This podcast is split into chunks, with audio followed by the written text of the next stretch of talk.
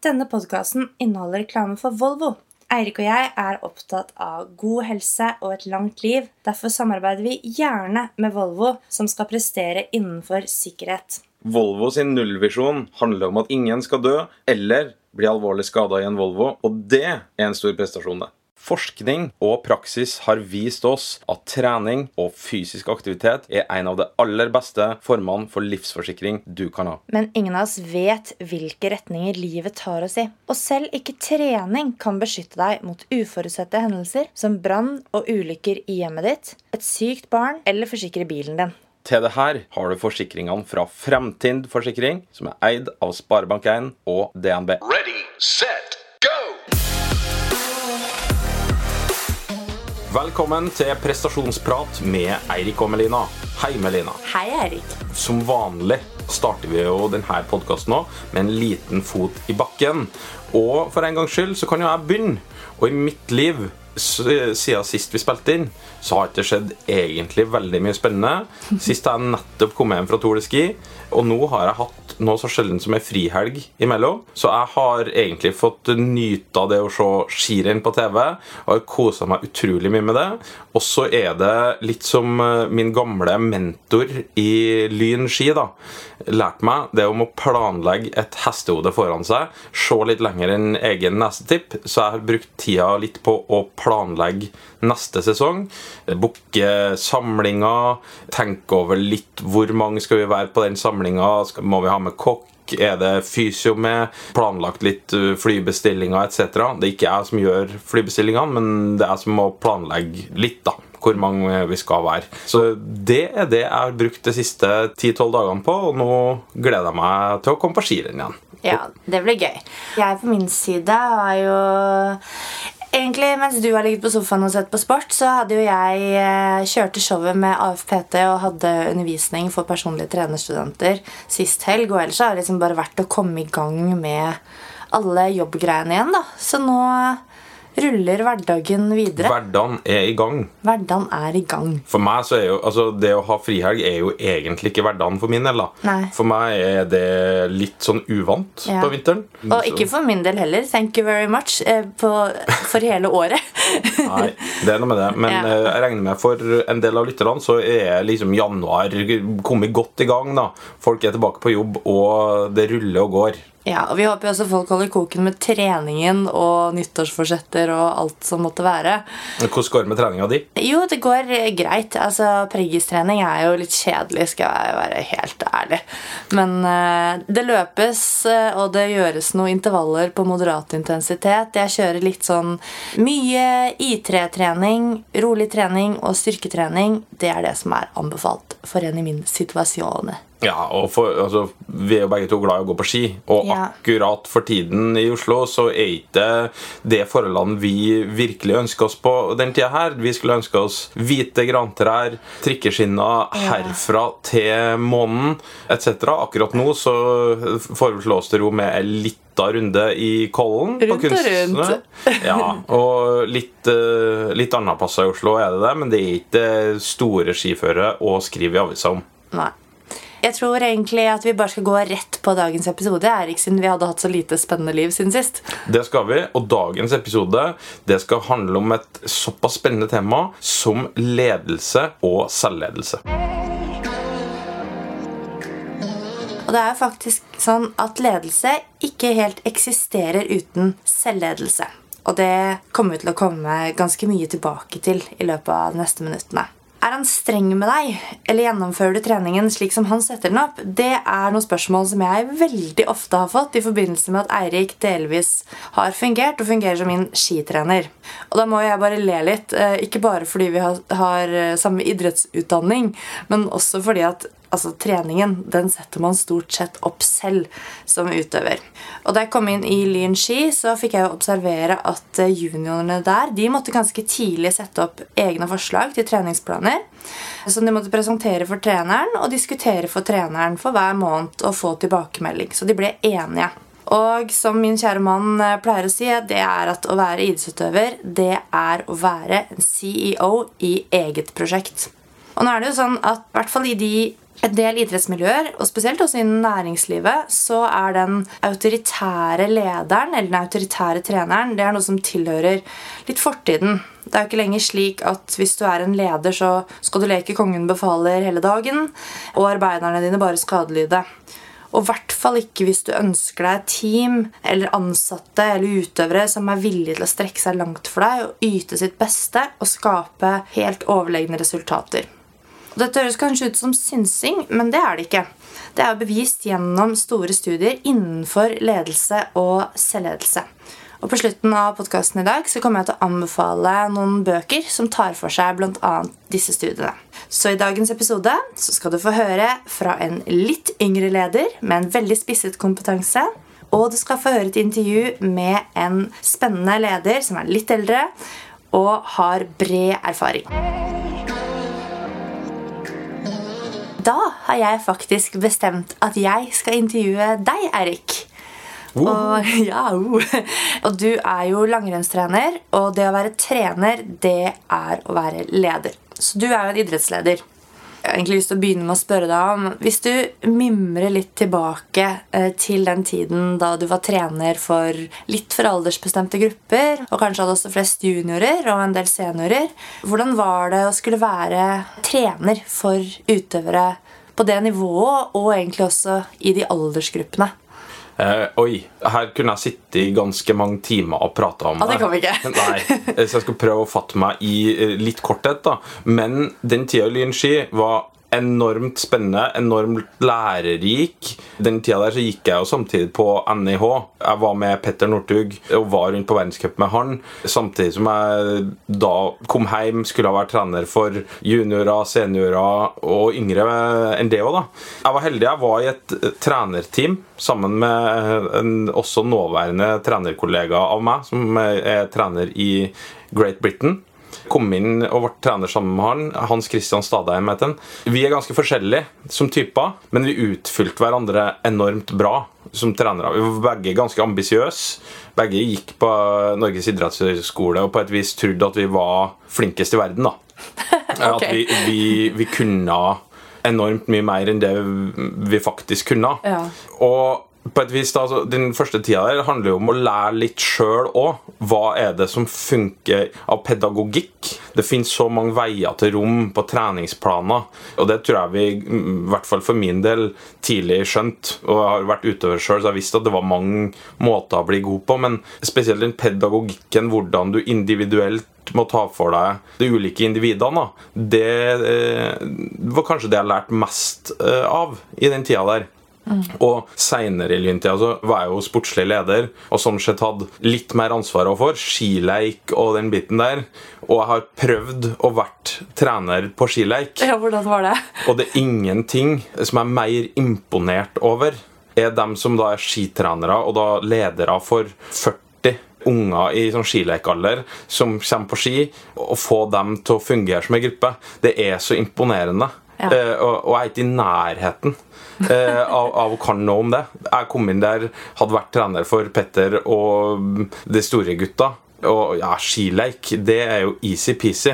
Men det var noe helt, helt annet, og da kreves det en annen pedagogikk igjen. da. Ja. Så det var det jeg kanskje først og fremst de årene mine i Lynski lært mye. Uten at jeg har gått pedagogikk, uten Nei. at jeg har gått den veien der. da Jeg har gått hardcore fysiologi. Du må lære deg å, å bruke omstillingsevnene dine veldig Ja. raskt. da. Ja, og der tror jeg jeg har lært veldig mye i den perioden. Men det er en tid jeg ikke ville vært foruten. Og ei tid som jeg tror har hjulpet meg veldig i den jobben jeg har nå. da Ja, det er interessant.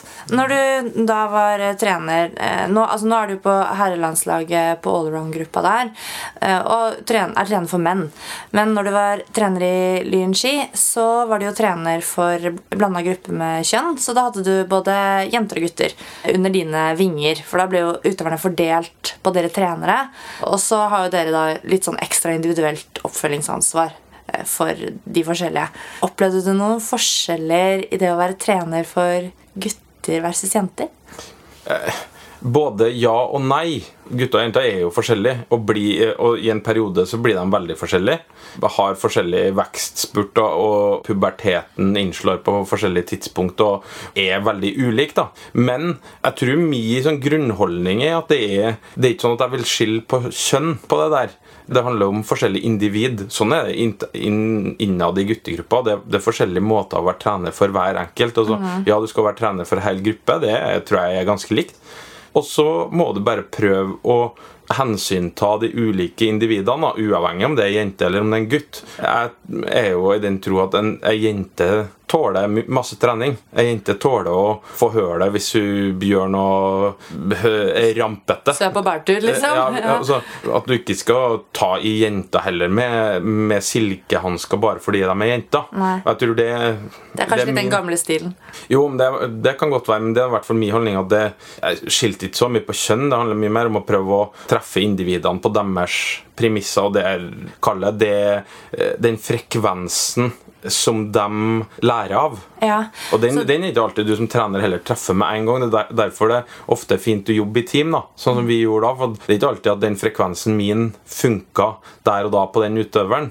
At min måte å si ting på ikke funka, men da var det kanskje en annen trener i det teamet som mente det samme, men sa det på en annen måte. Som aha, den frekvensen skjønte jeg, da, og, og tok den uh, tilbakemeldinga, da. Mm, fordi dere hadde forskjellige måter å formidle på.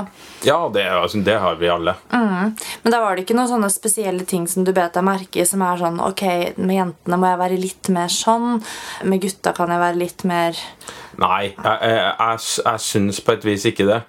Et individ er forskjellig fra et annet individ, uavhengig av kjønn. Ikke, jeg ser ikke at det er noe sånn gjennomgående over alle år som jente eller over alle år som gutt at du må legge deg på en helt annen linje. Kanskje i perioder så må du tilrettelegge på et annet vis. Men det må du også på guttesida eh, i samme perioden. Sånn at det, uh, og når de får dere kaller pubertetsbiten, da, og er litt sånn at langrenn ikke er så kult, og det er trist og fælt og får ikke det helt til, den kommer til begge kjønn. Men det er kanskje på litt forskjellig tid. Og da mm, prøve å hensynta det uavhengig av kjønn. Ja, det syns jeg var veldig positivt svar. Fryktelig bra svar av meg. Ja, det er godt å fornøyd. Ja, men jeg er positivt overrasket. Jeg hadde egentlig forventa litt ansvar. Ok, Før vi går til den lederjobben som du har i dag. Som du nevnte selv, da, så fikk du jo etter hvert jobben som Du var både daglig leder i Lyn ski, og så var du også sportslig leder i samme periode. da. Så en sånn type todelt stilling.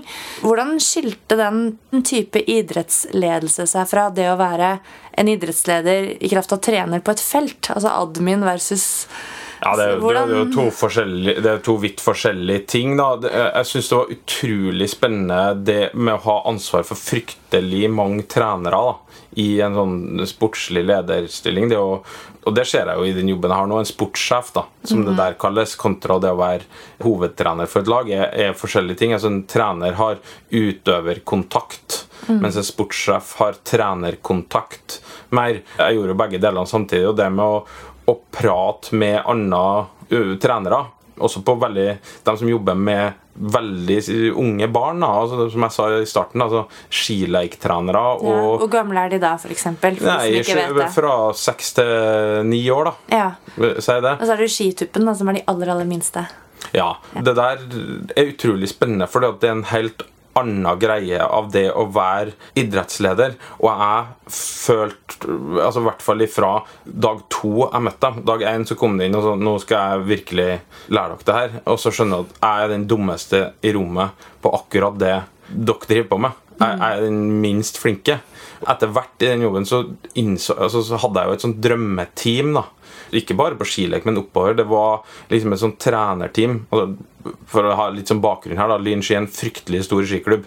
Det er megastore treningsgrupper. Fra, altså det kan være 40-50 stykker på trening. Så det holder ikke å være én trener. Men det var å sette sammen en tidligere Kall det tidligere skiløper, da, eller en, en som har hatt litt peiling på ski en pedagog som ikke nødvendigvis kunne ski, men som kanskje hadde jobba masse i barnehage, eller jobbet i barnehage, eller som var vant mye til barn, og kvinnelig hovedtrener. Det var liksom drømmeteamet. Ja, det Eh, var Veldig interessant og spennende. fordi, altså I stad så sa jeg skiller ikke så mye på jenter og gutter, men ofte, da Vi hadde mye unge trenere. Ofte i den alderen så er jenter veldig sånn ryddig. Møter opp i rett tid og, og er, har orden i sysakene. da. Kanskje i større grad enn det guttene.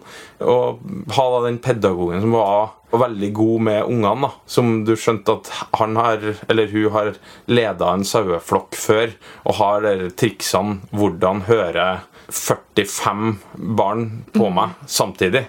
For det var der jeg feila. Det var ingen som hørte på meg. Hvis jeg, hvis jeg kom dit og var vant til å bare komme ut der og Jøss, Eirik Mjørn Aasum har vært trener for Petter. Han hører alt på. Det barna der visste ikke hvem Petter Northug var.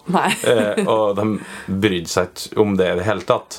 Så dere der, det var en fryktelig interessant periode. da Og veldig artig. Og jeg har også litt sånn treneransvar i den biten der. Men så måtte du også forholde deg til andre som jobbet i administrasjonen, og også foreldre. Altså i den daglige lederstillingen. Ja, jo, det, men det, er jo naturlig helt Ja. annerledes, for det er helt andre arbeidsoppgaver. Det er mer sånn Ja, kontorjobben. mens sportssjef eller sportslig leder og trener er, er veldig, veldig likt. Mm. Men det, du som jeg sa i starten, altså, det, det handler om at enten så har du da ansvaret for der mellomlederne, som er tre, andre trenere, eller så har du ansvar for barna.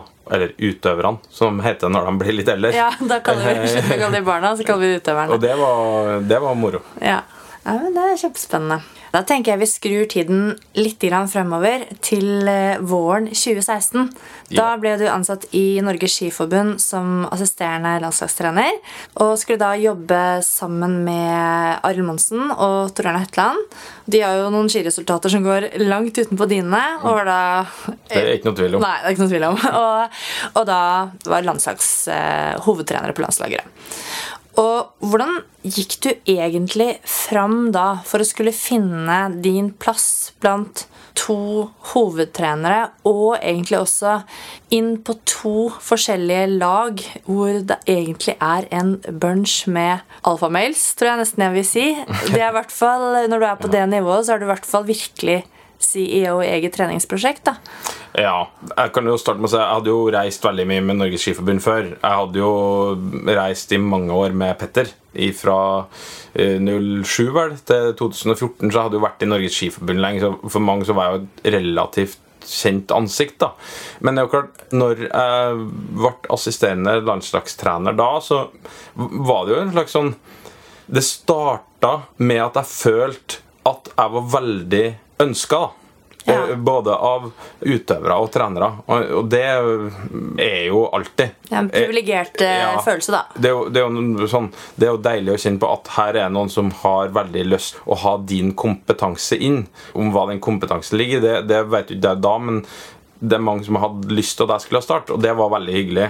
Og det gjør det på ett vis ganske mye enklere, for da vet du at her må du ikke øh, bevise nødvendigvis noe med en gang, for det er noen kvaliteter du har som har gjort at du får jobben.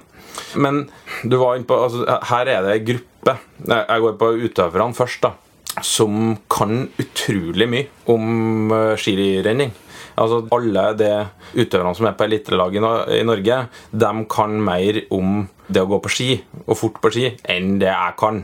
Ja, det, de det er som ikke går fort. tvil om. Det er dem som går fort. Eh, noen eh, var jo eldre enn meg, og er eldre enn meg.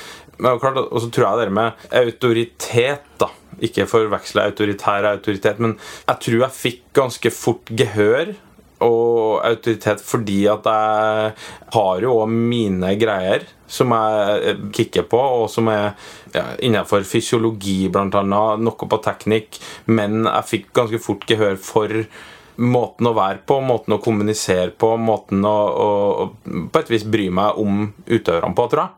Og jeg var jo veldig tydelig på det i starten at jeg ville være mye på trening med utøvere. Jeg ville lære dem å kjenne. Jeg var på et vis heldig. Jeg bor i Oslo, jeg bodde i Oslo da.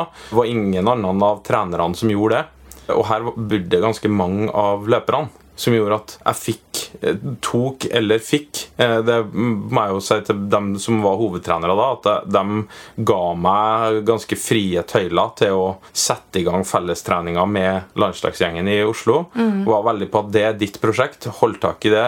Du er, du er sjef der, hold oss informert, men du kjører det. Dermed så fikk jeg satt egentlig litt min greie på Oslo-treningene her, da. og Fikk Ja. i gang det ganske bra. Du fikk jo da mye daglig og ukentlig kontakt da, med Ja. gjennom det. Ja, og det gjorde jo, tror jeg, da, at jeg raskt og i hvert fall til den gjengen, som var en stor del av det både nå og daværende landslag Det sprer seg òg. Jeg fikk et ganske bra gehør i den gruppa der. da Både på individuelt plan, men også, og hele gruppa.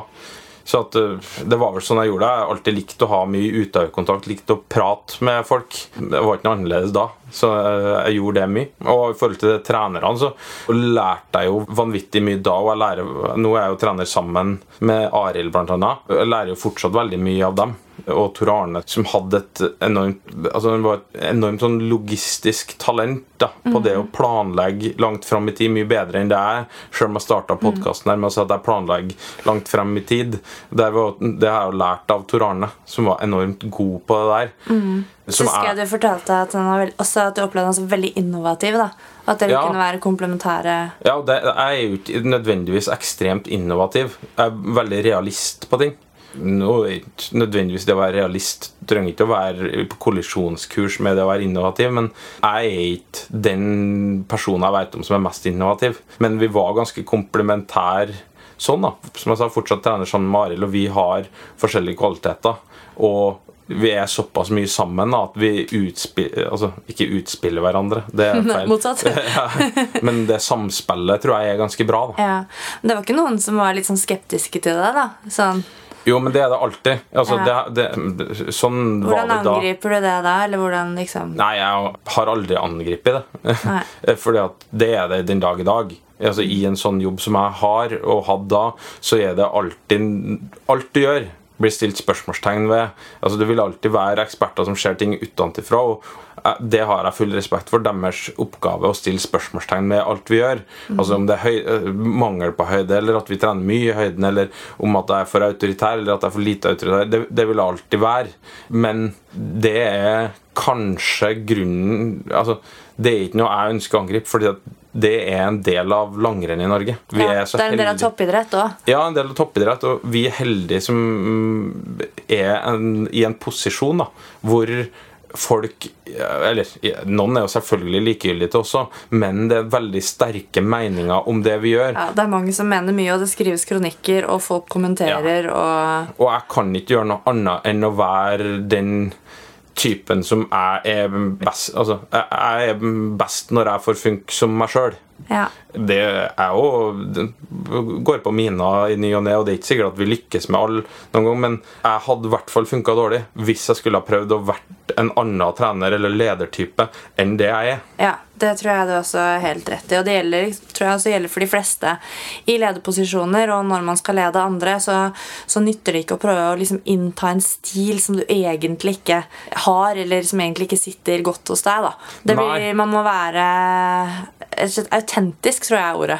Ja, det handler om ærlighet mot deg sjøl og ærlighet mot dem du har med å gjøre. Altså Over tid så vil du slite ut andre eller slite ut deg sjøl med å prøve å være annerledes. Og så er det ikke sikkert alltid at min stil passer, eller Altså, det tror jeg at over tid så vil jo også min lederstil bli eh, for gammeldags. Den blir for lite Altså, folk blir for vant til Det Det er jo opp til deg da, å fornye deg selv og Jo, være på hugget. Men samtidig så er det deg sjøl du må være. Du utvikler deg sjøl, ja. Men eh, stilen tror jeg er relativt lik. Jeg har tenkt litt på en ting. Generelt sett, mennesker, da. Vi liker jo ikke for mye forandring. Vi liker jo ofte at ting er litt trygt, og ting er som det alltid har vært. Med mindre man føler selvfølgelig sterkt behov for noe annet. Men, og vi kjenner jo det, vi vet jo det fra arbeidsplasser, f.eks. Hvis det skjer store endringer, så, så skaper det ofte litt uro blant de ansatte.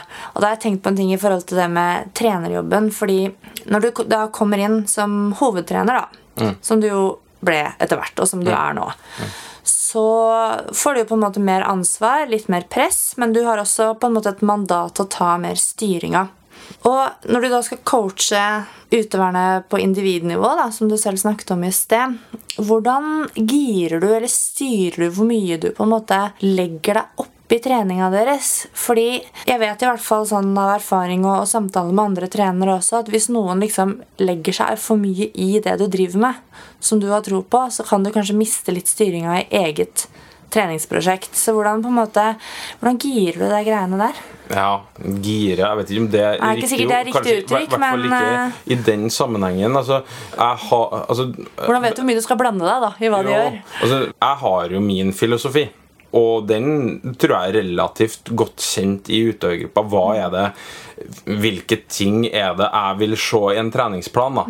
Eh, Kan du fortelle oss litt om det? ja, altså hvis tre timer, altså rolige tretimere eksempel. Mm. Eh, Jeg tror veldig mm, stor andel av treninga til en skiløper er rolig. Det har det vært i alle år. Så har vi kanskje tatt det next level de to siste årene med veldig mye rolig trening. Ja, men dere er landslaget, da, så dere trener Jo, mye. jo og, og, men jeg, det er kanskje en ting som jeg kikker på veldig sånn på treningsdagboka i forhold til nå må vi ha inn tre timer. Er altså viktig å få gjennomført Mengde. dem. da One hands. Altså det, det er et uttrykk som jeg har lært av min kollega Arild Monsen, som er, er da eh, treningsdag på fem timer, f.eks. Veldig glad i sånne dager. Så at min grunnfilosofi ligger jo der, og den, jeg trenger ikke å gire utøvere i forhold til det. Det vet de.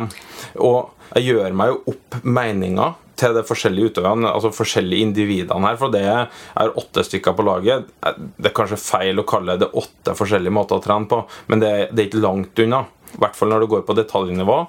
Og Der å gjøre meg opp meninger, og, og i situasjoner så må du jo bestemme om du skal prøve å presse gjennom kanskje en, en vridning mot noe annet, eller om du skal gå for en veldig oppbyggende samtale i forhold til det, det utøveren har tenkt. Der har jeg gjort begge delene. Det gjør jeg holdt på å si, ikke hver uke, men, men veldig ofte nå. At jeg eh, kan gå på kompromiss av og til med det jeg tror på. Fordi at jeg merker at jeg har en utøver som har enormt trua på akkurat den planen. Eh, Og da vil du heller forsøke å ta en oppbyggende approach? Kanskje. Kanskje. Ja, og det, og det her er jo det vurderingene som du ofte må ta litt sånn på sparket. Og følge din egen magefølelse og, og, og ha gode argumenter. Det, og der merker jeg at det å ha den fysiologiske bakgrunnen som jeg har, er veldig nyttig for å begrunne ting fysiologisk. For som Utøverne kan mye mer om det å gå på ski enn meg. Men jeg kan kanskje mye mer fysiologi enn dem. Så hvis jeg kan knytte ting opp mot fysiologi, lære dem også litt om det i samme slengen, så tror jeg vi kommer ganske langt. Men jeg er ikke den som til, i 100% av tilfellene der jeg sitter med en utøver og diskuterer en treningsplan, trumfer gjennom en endring bare for å trumfe gjennom en endring. Eller mye mer mot min filosofi, bare for å gjøre det. Jeg har ikke eksakte tallet på det, men i mange av de situasjonene her så er det helt klart at jeg kanskje går på, litt på kompromiss med det min grunntanke, fordi at jeg merker at du har en utøver som virkelig har trua, har lagt mye arbeid i planen, har en tanke bak hvorfor, kanskje har sett de gamle planer etc. Så argumentasjonen er, er egentlig på plass, Ja. men kanskje ikke forankret i, i den fysiologien som du Ja, eh, og, der, og der er forankrer dine ting i. da. sier jeg sånn da Jeg belønner god planlegging Jeg lurer på om det er en bok jeg har lest eh, Kanskje krimbok et eller altså, It's hard not to admire good planning. Utøvere som kanskje tenker litt annerledes enn deg selv Men du merker har gjort veldig grundige tanker om det her. Det er ofte Ikke premiere, men mangel på barnehager, da, Men da jeg, finner jeg heller argumentasjon for å bygge opp At det var en jævlig god tanke.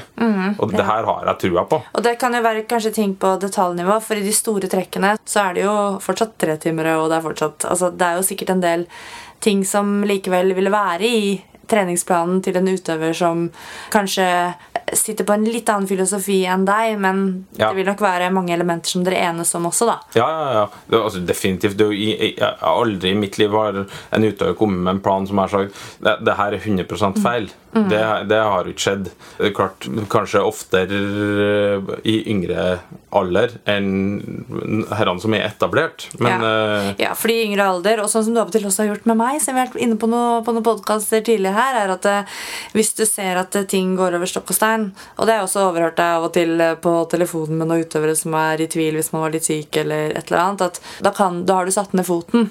Ja, For det er også en god funksjon i en trener at du har en som Det er av og til vanskelig å ta spesielt litt sånn egne helsevalg, eller man er veldig ambisiøs på egne vegne, og så går det litt over stokk og stein. Og da vet jo i hvert fall jeg erfaring, og jeg har hørt deg også sette ned foten. da Ja da. Ja, ja. Det, det har jo litt sin grense. Men, men jeg er ikke den som alltid bare for å gjøre det, gjør det. Det, det gjør ikke. Altså, Nå skal jo ikke vi snakke om folk som ikke er her, da men Nei, det fins jo noen trenere i Norges land, relativt kjente som sådan, som du, i hvert fall sånn gjennom media, da som vi kan oppleve som veldig sånn, autoritær. Sånn, at man kan liksom høre sånn Nei, det der er bare tull, eller hva er det du driver med nå? Og, og litt, litt sånn um, Det er mange forskjellige måter, da, men da, sånn som du forteller det nå, så er det ikke den autoritære stilen er ikke der, selv om du Nei, jo, altså Du er jo inne på Av og til så er jo jeg jo det. Men det, det går på trenerstil og hvem du har med å gjøre. Jeg tror det å være kanskje mer autoritær enn meg, det kan funke. Det det er jo trenere før på, også på langrenn, som har vært det i mye større grad enn meg. Hatt enormt suksess med det. Men jeg ville ikke hatt suksess med å være skuespiller og vært på det viset. Min, min måte for å få gehør, for å få autoritet, det er på et annet vis. Uh, uten at jeg tror at den ene måten er så mye bedre kanskje enn den andre. Altså, Det, det handler om situasjonen, hvilke utøvere du har med å gjøre, alderen uh, etc. Ja. Kanskje andre aldere må du i større grad være med å lære opp litt mer. da og, og bruke litt mer eh, Nei, ikke pisken, men sette ned foten litt mer i forhold til ting du veit ikke funker. Så eh, kanskje. Ja, skjønner. Hva er det mest utfordrende med jobben din nå? Jeg syns jo uttak er veldig tøft Ja. i den jobben her. Det, det er jo som jeg sier, det er nesten det eneste som gir meg hodepine i den- jobben her. For det å planlegge og sitte med utøvere og diskutere trening og sånn Det feil å si at det ikke er utfordrende, det utfordrer deg, det òg. Men det med uttak Vi har i Norge så er vi heldige å ha si 60 skiløpere. Eh, Som er på et enormt høyt nivå. Og I tillegg så er det fryktelig mange under der som også er meget meget gode. Men du kan nesten si at 50-60 løpere i Norge er på et skyhøyt internasjonalt nivå og ville Ja. ha gått worldcup hver helg hadde de vært for en annen nasjon nasjon eh, enn Norge. Og da når du har et begrensa utvalg da, som du har lov til å ha med til verdenscup, så er det ofte veldig lite sånn matematisk som skiller utøverne. Og da sitter jeg igjen med sånn, sånn som jeg hater. Magefølelse, feeling. Eh, Den biten der. Og ofte da må jeg jo velge mellom også utøvere på mitt eget lag, som du har 200 reisedøgn sammen med. Du er du bryr deg veldig ja, om, da. Ja, du bryr deg jo på et vis om alle, men, men du har veldig ekstra feeling med dem. da Og det syns jeg er utfordrende. Og da må jeg ofte ta meg litt tid sjøl og, og tenke gjennom og Jeg har ikke noen annen måte å, å, å gjøre det på enn å, enn å være ærlig da med folk, og helst så tidlig som mulig. Det er som å rive av et plaster. Du må bare gjøre det. Og så tror jeg alle skjønner at jeg gjør ikke Jeg, vraker ikke noen for å være ekkel.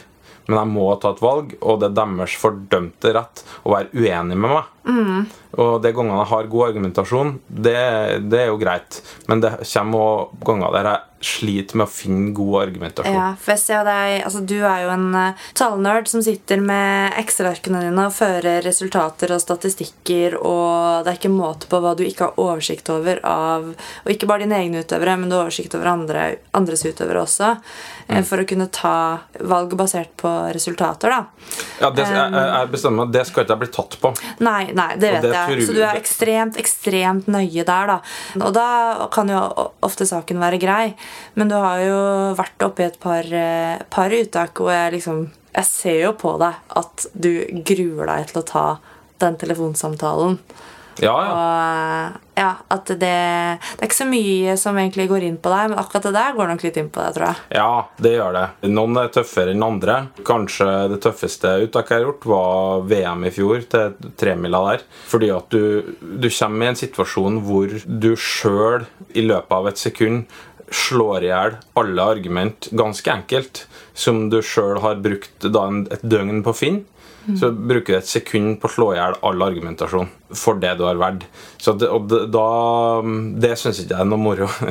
Samtidig så hadde ikke jeg tålt det, så hadde ikke jeg kunnet vært i den jobben her. Jeg, jeg tror det er en fordel at, for å holde en stund at det faktisk går inn på deg. Ja. For da har du uh, Det betyr jo at du bryr deg. Ja, altså jeg bryr meg jo om utøverne mine som mennesker. Jo, men så er det jo Det er Norge som skal vinne, da. Det er Norge Ja, som skal ja. ta gull og vinne skirennet. Så det er jo ja, Det er vanskelig, da. Det, det er det- ikke noe lett. Det er ikke, det er ikke. Nå har vi jo vært litt inne på det, da, men eh, det med å ha en sånn type jobb som du har, i likhet med en del andre ledere og idrettsledere, innebærer jo mye press og høyt trykk i perioder i forbindelse med mesterskap. Det kan også være forskjellige ting som påvirker en dynamikk i en gruppe. Og det kan jo dukke opp følelser som ja, ikke alt er utelukkende positivt. da.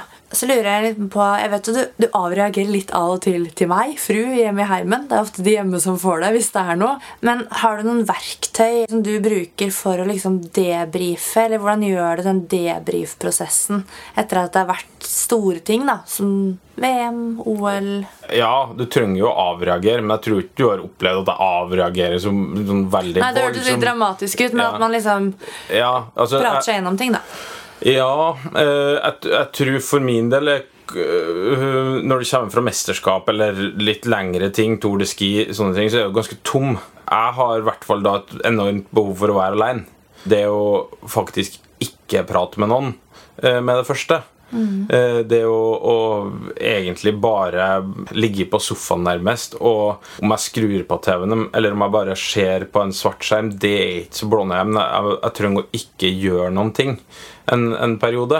Samtidig så, ja, jeg, jeg prater jo mye med deg når, når liksom du har fått kverna ting. Jeg, jeg har flere også som du prater med, naturlig nok. Mine, mine kollegaer, trenerkollegaer, prater jeg mye med. Men Bruker du noe Ja. idrettspsykolog eller Nei, ikke idrettspsykolog, men, men jeg prater jo ganske mye med ei som heter Liv Hemmestad på Olympiatoppen. Som Jeg starta vel med hun når jeg begynte som hovedtrener. Og jeg, jeg tror åpningsreplikken min var Da jeg begynte å prate med hun var liksom jeg, Min bakgrunn er at jeg ikke ser behov for å prate med deg. Det er morsomt. Fordi jeg kommer jo fra fysiologiverden, det er fakta og I know my shit, liksom. ja, det er det det handler om. Men jeg, det var jo det var jo satt litt på spissen, det, da. Men jeg så behov Altså, hun er veldig dyktig det, går- når jeg prater med henne, til å få meg til å sette meg enda bedre inn i de situasjonene som jeg allerede tror jeg har eh, satt meg mer enn godt nok inn i. Og få meg sjøl til å eh, vurdere ting på forhånd som kan komme. Eh, Så jeg setter utrolig pris på de pratene der uten at det som en fysiolog kommer ut med at du må opp to milliliter i oksygenopptak. Liksom. Det, det er ikke det her, men det er veldig behagelig av og til å, å prate med hun Og det handler jo om, om coaching og, og Det er jo de er mer sånn psykologiske egenskapene. ja, Kanskje? Og- Lagprosesser. Og... Den biten, biten der som kanskje vi fysiologer av og til tar for gitt. Og det er ikke noe sånn vi setter oss ned med gruppa og si. nå skal vi jobbe med lagprosesser, men hun er utrolig god til å få meg til å ha tenkt igjennom ting, sånn at jeg kanskje er ganske godt forberedt til jeg står i sånne situasjoner. Så at uh, Hvis det var svaret på spørsmålet om, Jo, om jeg avreagerer til noen, så kanskje der. Men jeg, jeg tror min viktigste form for avreagering er den me, myself and I. Det har jeg jo sagt til deg òg. Ja, og sjakk på appen. Ja, sjakk. Altså, det var bra du sa, faktisk. For sjakk er yoga for meg. Ja, for du har ikke så forbaska god yoga. Nei, det har ikke jeg verken styrke eller bevegelighet til å drive på med.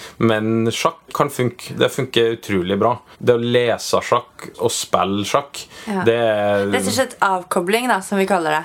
Ja, og jeg har jo sagt til deg òg at jeg helst vil at du ikke er hjemme når jeg kommer hjem fra sånne ting. Kan ikke alltid love deg, kjære. Nei, det Nei. skjønner jeg. Men i hvert fall hvis, jeg, hvis du er hjemme, om du vær så snill kan holde litt kjeft. ja, Jeg skal prøve på det. Ja. Det er ikke så lett, men, men det er jo interessant. Og så vet jeg du også har sparret litt med Britt Hayat Foxell, som jobber med flere av utøverne. Ja. Sånn Men det, det er mest på utøvernivå, da. Ja, ja, skjønner.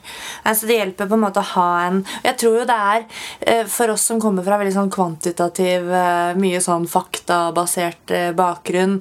Eh, fysiologer, fysikere, matematikere. Altså, Vi er litt i den naturvitenskapelige leia, da. Vi har nok godt av å snakke med mennesker som har andre typer egenskaper. da Ofte kalles det jo for soft skills. Men, Ja. men, er, men, eh, men sånn som eksempel Liv, da, som kan få deg til å se ting på andre måter. Ikke fordi hun forteller deg så mye, men kanskje stille noen spørsmål, og så må du Ja, det som jeg sier til hun Hun forteller meg jo ingenting. Men hun er jækla god til å få meg til å på et vis finne ut av, av ting. da Ja. Så det er jo der jeg som ung fysiolog så på det der som heksedoktorer. Det der f- Det er det jo. som er det shit. Ja, det, det, det er noe der som er utrolig vi må ha med Liv på podkasten. Ja, det må vi. Ja. Dette med selvledelse det er det du er litt inne på nå. da Det er jo basert på egentlig teorier om motivasjon og kognitiv psykologi og teorier om målsetning, som er ting som kanskje ikke vi egentlig tenker så mye over når vi driver og leder oss selv i de jobbene vi har. Men hvordan leder du deg selv? Og hvordan, hva er det som driver deg til å ha en jobb hvor du rett og slett aldri har fri? For det må vi si. Ja, eh, jeg føler jo ikke det som at jeg aldri har fri. Jeg føler at jeg nesten aldri jobber.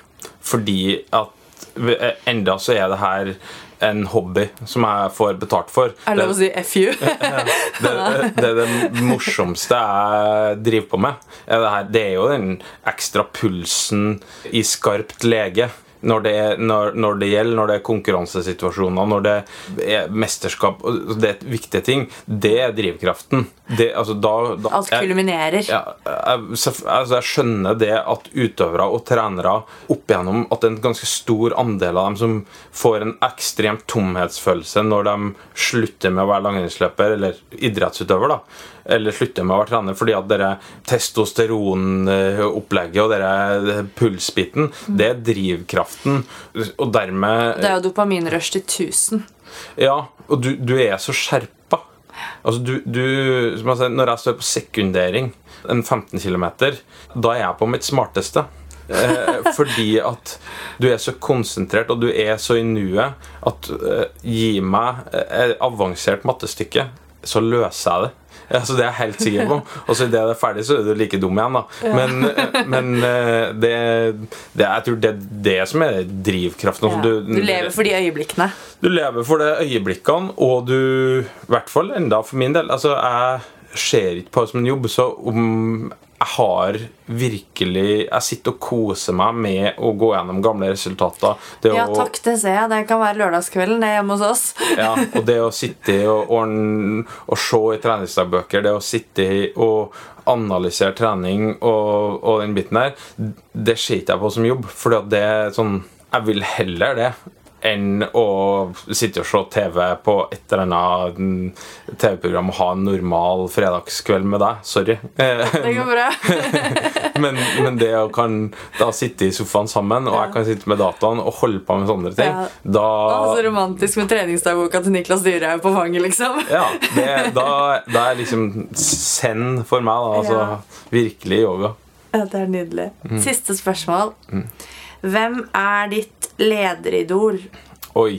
Og om ikke kanskje idol, en leder du ser opp til og respekterer. Det kan være idrettsleder, eller det kan være en annen lederperson.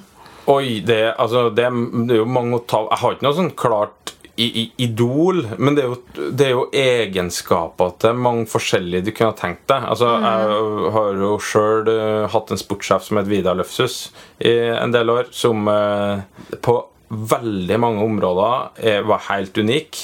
På en positiv måte, regner jeg Ja, ja altså for oss altså Han gikk ordentlig i krigen for oss, for utøvere, og, og var pragmatisk i forhold til det. Leif Olav Alnes eh, har jo noen menneskelige egenskaper som er enorm. Jeg har jo sjøl hatt gleden av å, å prate mye med han på Olympiatoppen og traff henne, er jo en fantastisk eh, måte å prate på, og en måte å liksom eh, eksemplifisere ting. Og helt åpenbart har noen menneskelige sider som er utrolig viktig i den jobben han gjør. Og er jo fantastisk flink. Også. det er mange. Jeg har jo allerede nevnt de to jeg var hovedtrenere sammen med eh, i starten, som jeg har lært mye av. Og Arild Monsen, som eh, jeg fortsatt er trener sammen med. Han eh, har også noen sider som er, helt fantastiske og, og, og er utrolig lærerik. Har du, men har du noen som er, fungerer som en mentor for deg? Nei, eh, egentlig ikke. Men jeg er så heldig å ha mange trenerkollegaer rundt meg i Norges Skiforbund. Mm. Og der tror jeg vi er mentorer for hverandre. Ja. Så eh, skal jeg jo si det at det er utøverne mine òg, da, er jo på et vis det. De er De òg er der at de skjønner at de må gjøre meg òg til en god trener. Hvis de motarbeider meg, så er ikke jeg noe god trener. Hvis de må spille meg god, og at den symbiosen der må funke, da. Så dem må lære jeg jo mye av. Altså, du skal jo på sett og vis De skal lære deg hvordan du skal være den beste læreren eller treneren for, For dem. dem, ja. Så det mm, ja, Nå ble det mange navn. Jeg har, jeg har ikke noe sånn Nei, men Det er interessant en- at det ikke er én person, men at det går mer på egenskaper hos uh, ulike mennesker da, som du Ja. setter pris på. Jo, men det, det er jo sånn det er. Jeg håper jo kanskje at noen eh, ser noen egenskaper til meg som de kunne ha tenkt seg. Jeg Kanskje. er unbiased, men det tror jeg helt sikkert. Tusen takk for intervjuet. Vær så god, min kjære. Da håper jeg at dere fant det lille intervjuet mitt med Eirik interessant.